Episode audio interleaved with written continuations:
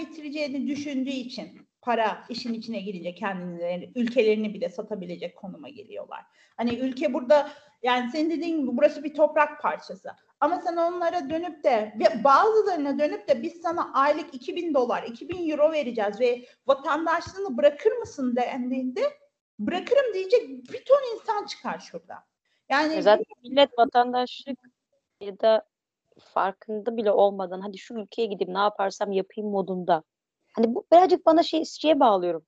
Yani şu, yaşadığımız çağın en büyük sorunu aslında hani tatminsizlik, mutsuzluk, eksiklik Hı hı. gibi psikolojik Hı hı. e, temelleri olan olaylar ya. Bunları ya parasızlığa bağlıyor, ya Türkiye'de yaşamaya bağlıyor, ya e, sevgilisi olmamasına bağlıyor, ya da e, evli olmaya bağlıyor, ya da çocuğunun olmasına bağlıyor. sorunumuz var bizim. Yani biz ya şöyle biz millet olarak yani genel itibariyle yüzde 95'imizin hep bir problemi var. Ya işte e, cidden merak ediyorum bu problem nasıl oluyor, nasıl bitiyor? Yani kitap okuyamıyorsun neden? Çünkü çok pahalı. Yani hani git sana 10 kitap al demiyoruz ki bir tane kitap al. Uygun fiyatlı kitaplar bulunabiliyor veya indirimli kitaplar bulunabiliyor. Kimse sana git onu yap demiyor. Veya işte dil öğrenemiyorsun. Neden? Çünkü zaman alıyor. Veya işte efendime söyleyeyim eee, tek başına bir şey yapamıyorsun çünkü sıkılıyorsun. E mesela şey çok ilginç olur mesela bir kitap öneriyorsun ya da diyelim bir küçük bir köşe yazısı öneriyorsun bir insana.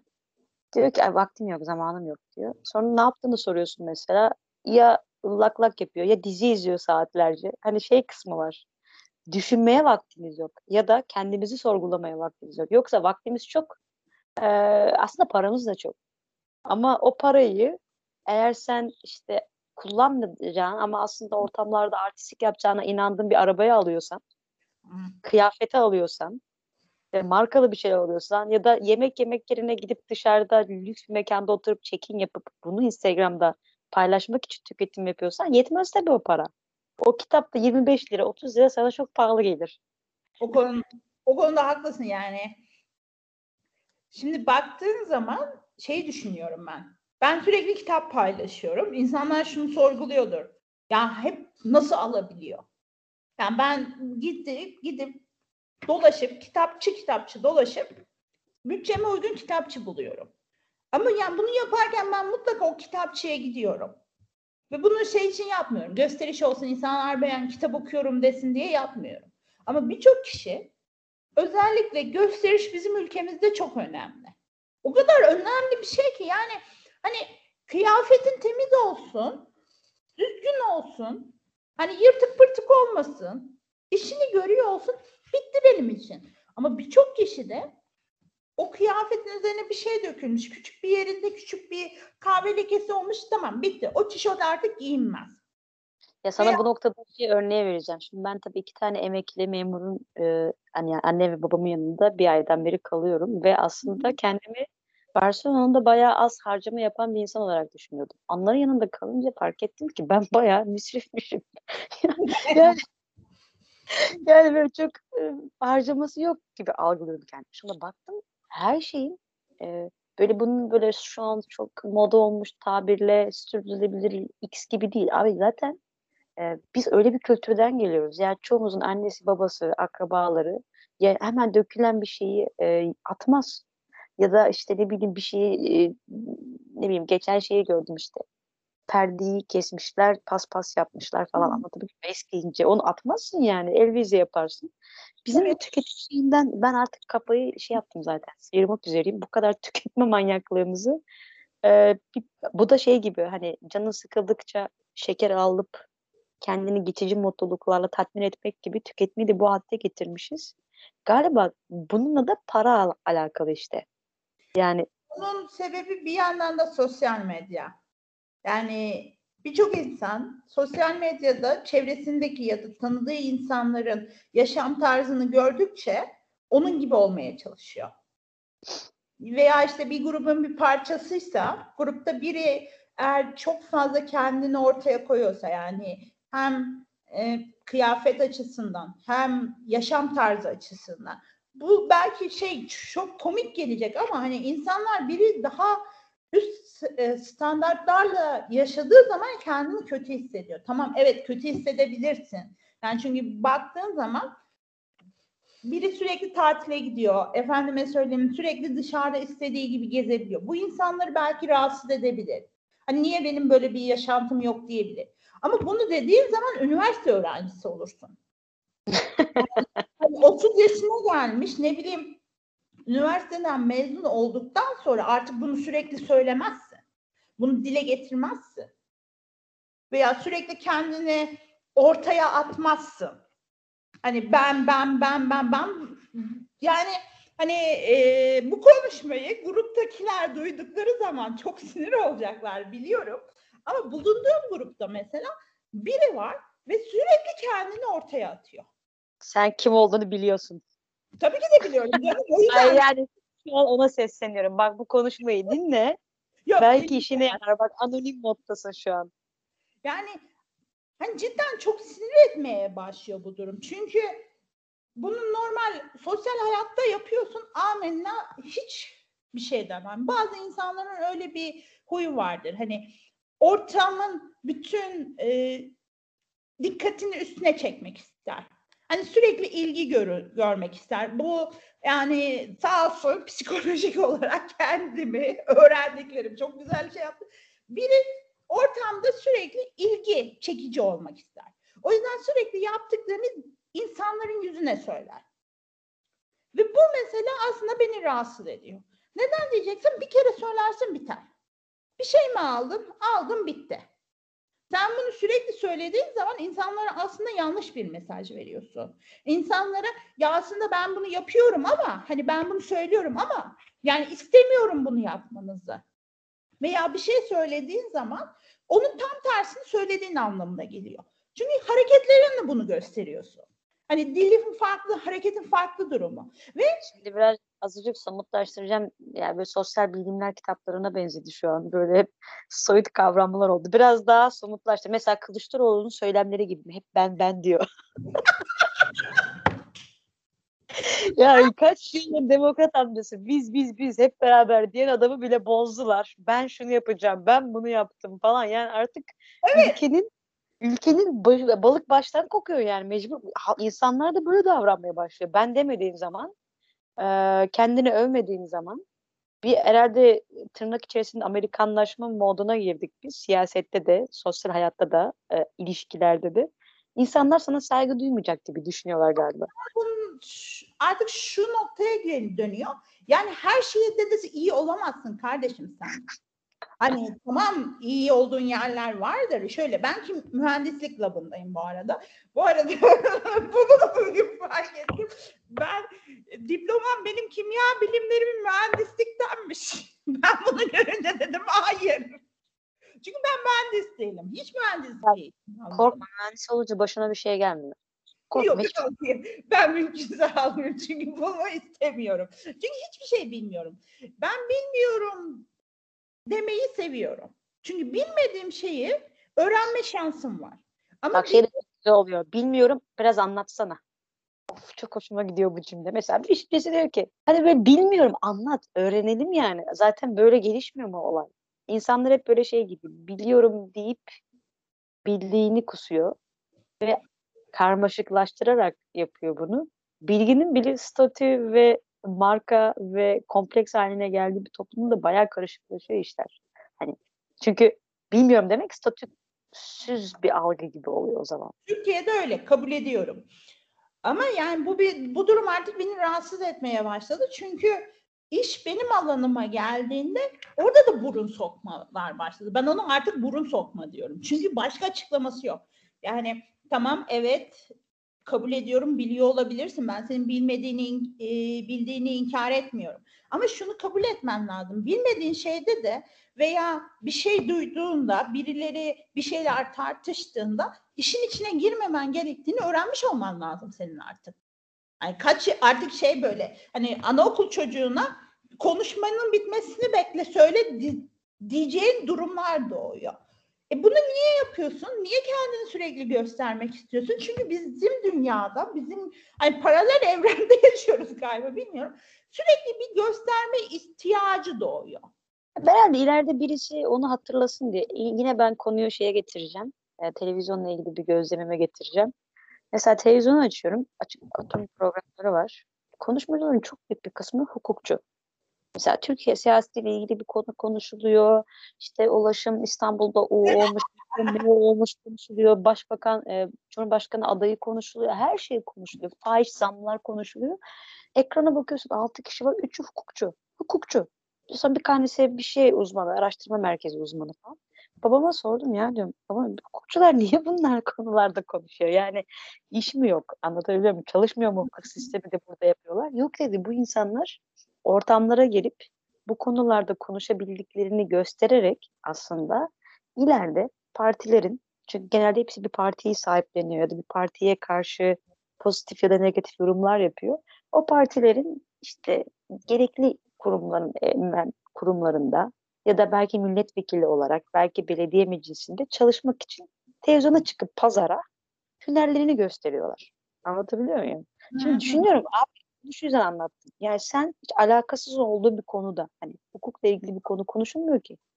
Ya da e, Rönesans insanıyız hepimiz çıkalım ekranda hukuktur, siyasettir, bilimdir, tarihtir konuşalım bir durum da yok. Siyasete anlamda bir tür aslında milletvekili gibi konuşuyorlar. Şimdi o yüzden şey gibi oluyor. Bunu yapmalarının sebepleri yarın bir gün o ortamda hani şey diyorlar böyle düşüyor mu? Hani böyle düşüyor mu? Düşüyor yani. o çok iyi. Ya hani Cüneyt Özdemir galiba kullandı bunu. Herbo herbokolog dediklerinden oluyor. Herbokolog olamazsın kardeşim. Yani ben kimyagerim, kimyagerin işini kimyagerden daha iyi bilemezsin. Bana şuradan gelip biri bana dese, bir mühendis gelip bana dese ben senden daha iyi kimya biliyorum dese derim bak kardeşim bulaşma bana. Kimya mühendisi olabilir mi? Belki çok özel kimya ilgi duymuştur. O, o bu da, da, zaten. Bunu, bunu en azından bunu en azından e, açıklamanı istiyorum. E, hani en çok e, kimyacıyla kimya mühendisi, matematikle matematik mühendisi, fizikle fizik mühendisi arasındaki farkı soran insanlar çok fazla oluyor. Bu şey de çok oluyor. Endüstri mühendisliğinde iş yaparı da geçtim de. Sen en azından e, şeyi duymamışsın. Kimya kimyager ne yapar cümlesini duymamışsın. Ben sürekli kimyager ne yapar cümlesini anamdan duyuyordum mesela. Çok iyiydi ya. Hani hatta şöyle e, üçüncü sınıftayım. Üçüncü sınıf bitti bu arada. Dördüncü sınıfa geçeceğim yazın. Bir programda adam çıkıp şey demişti. Hmm, işte biz kimyasalları hayatımızdan çıkartmalıyız. İşte kimyasallar çok şey yapıyor falan gibi bir cümle kurmuştu. Annem de dönüp bana kızım sen çok kötü bir bölümde okuyormuşsun dedi. ben bunu duyunca dedim ki anne farkında mısın bölüm bitiyor. Hani son sene. Hani ona benzeyen bir durum. İnsanlar gelip kimyacı, kimyager ne yapıyor? Yani hani şey diyorum arada. Dünyayı bombalamaya yarıyoruz ya. Kendinizi. Veya işte hani bu narkoz ne bileyim işte bu uyuşturucuları, Breaking Bad'leri yapanlar biziz işte. Çünkü adamın mantığına oturmuyor yaptığı şey. Deterjan yapıyor dediğinde şey yapıyor. Ya deterjanda ne var ki?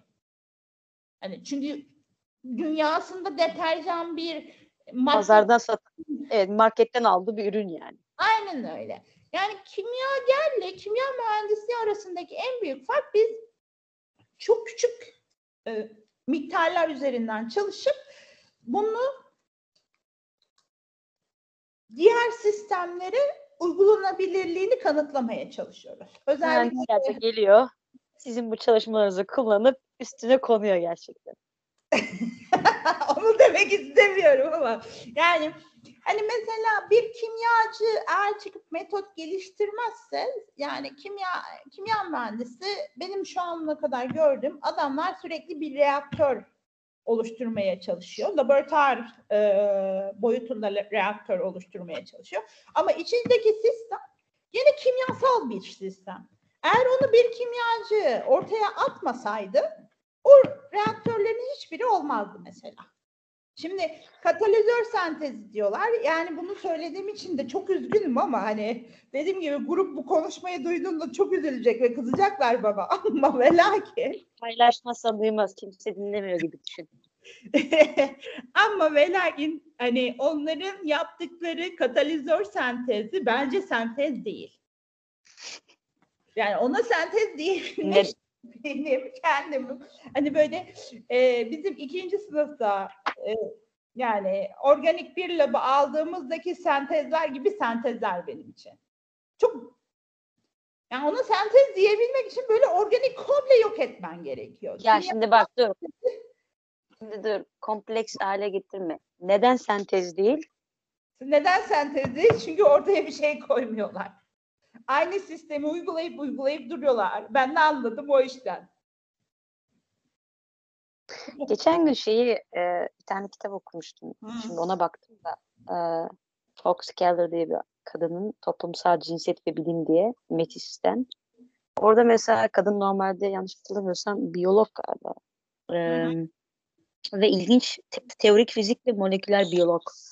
E, ve ünlü yani bir kişi şundan dolayı bu aslında hani fizikten kalan bir mantık vardı ya hatta bu şey kitapta şeyden bahsediyor. Yani e, neredeyse Hume zamanlarından beri, Orta Çağ'dan beri yani işte Hı hı. bir keşfedeceğimiz bir dünya var. O çok somut bir gerçeğe ulaşacağız ve çok statik. Biz doğaya hükmedip onu ele geçiriyoruz, onu elde ediyoruz gibi ve fizik uzunca bir süre boyunca e, tahmin edilebilir modeller kurmaya çabaladı.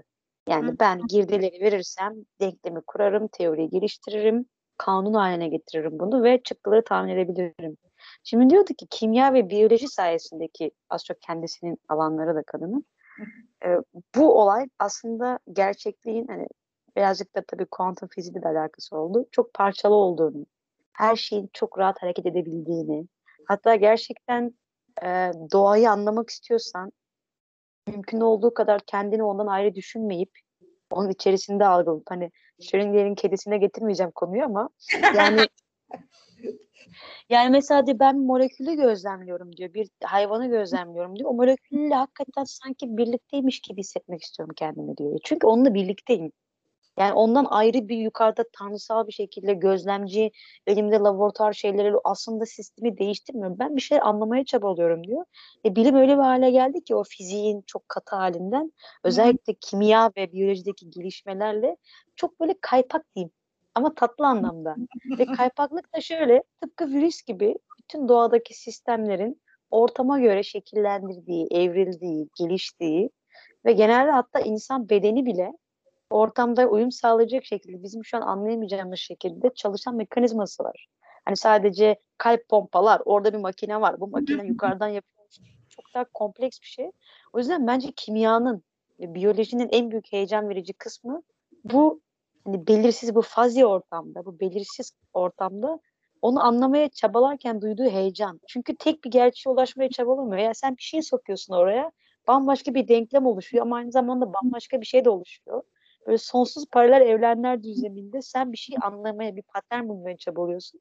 Ve amacın da o dünyayı ele geçirmek değil, anlamak ya, gözlemci olmak. Çin'de yer alarak. O yüzden kimya ve biyoloji bence hani birazcık daha farklı bir perspektif katmaya çalışıyorum. Hani bir doğayı mesela kadının en büyük eleştirisi kitapta o zaten. Yani çok eril bir dil var diyor bilimde. Ele geçirmek, fethetmek, keşfetmek. Hani böyle çok bir şeyi hayır diyor. Bunu birazcık daha o eril dilden bilimi kurtarıp birazcık daha gözlemci, birazcık daha tek bir hedefi, hedefini keşfetmeye çabalayan bir insan değil de gözlemleyen, anlayan bir yer olarak görmeliyiz. Bu konuda diyor kimya ile biyoloji herhalde önümüzdeki yüzyılın diyor. Bu bilimin inşa edecek alanlardan ikisi. Sen ne Yani düşünüyorsun bu konuda? Şöyle bir durum.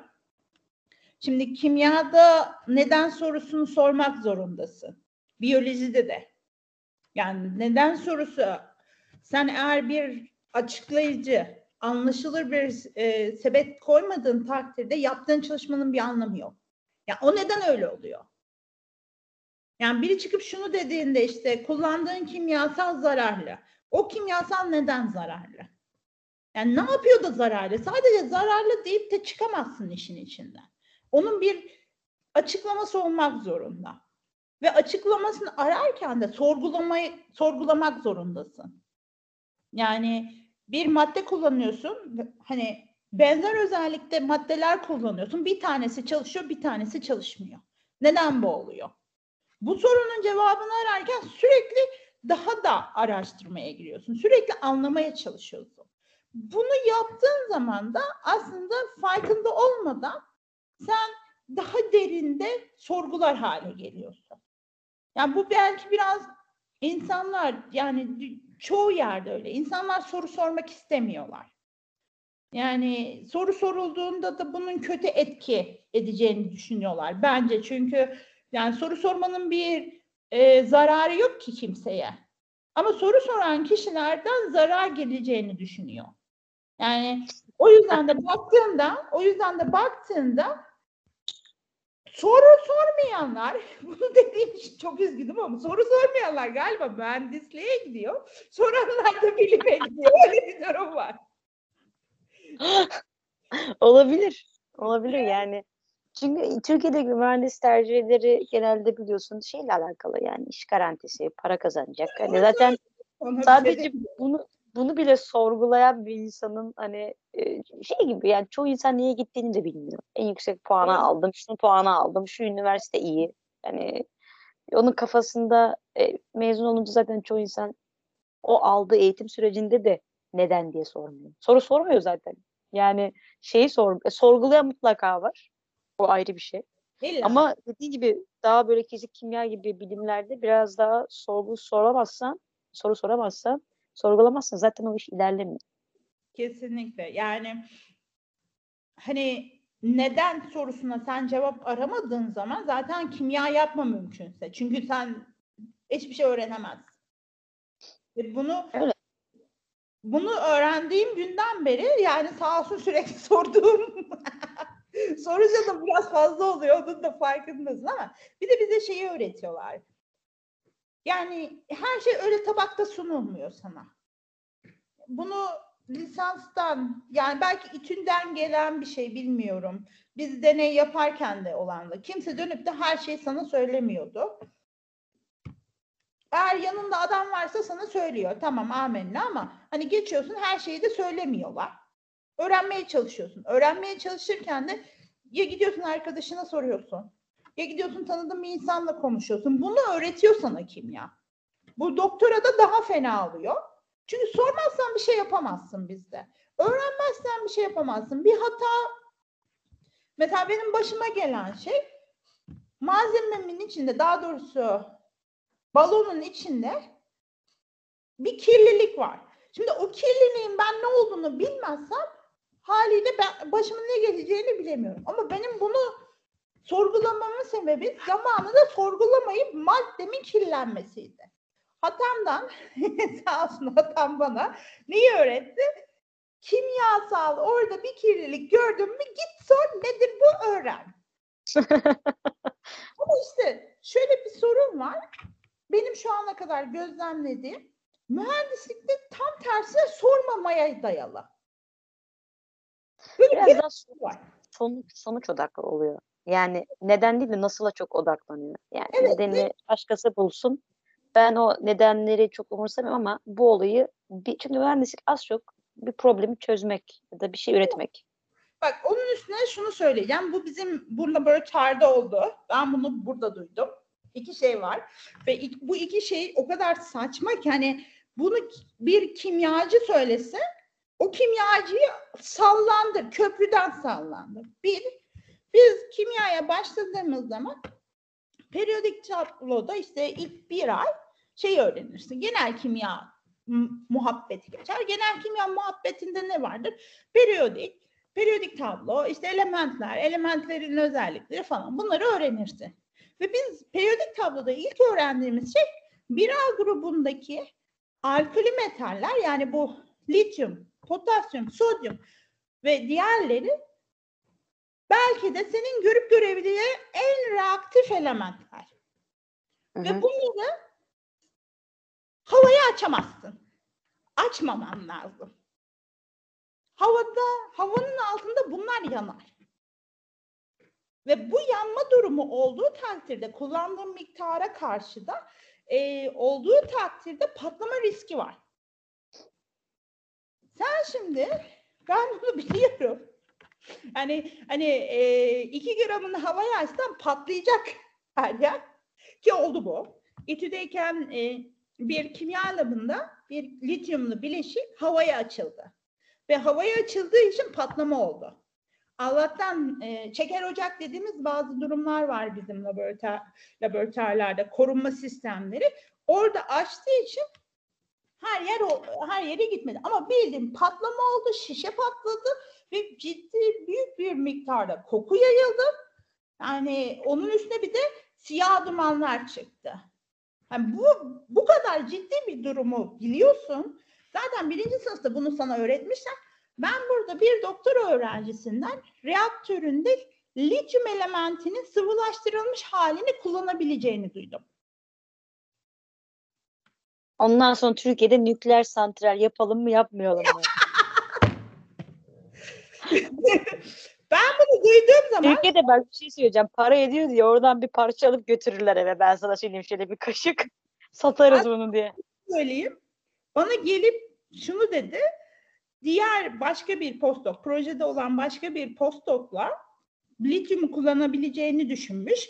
Düşünme sebebi de işte hani yoğunluğu, lityumun yoğunluğu çok düşük haliyle kullanabilirim gibi bir muhabbet üzerinden gidip ben lityumu kullansam ne olur? Lityumun erime sıcaklığı, sıvılaştırılma sıcaklığı yüksektir. Kabul ediyorum. Ama şöyle bir problem var. Senin kullanacağın lityum bu sıcaklığa gelene kadar sistemi patlatır.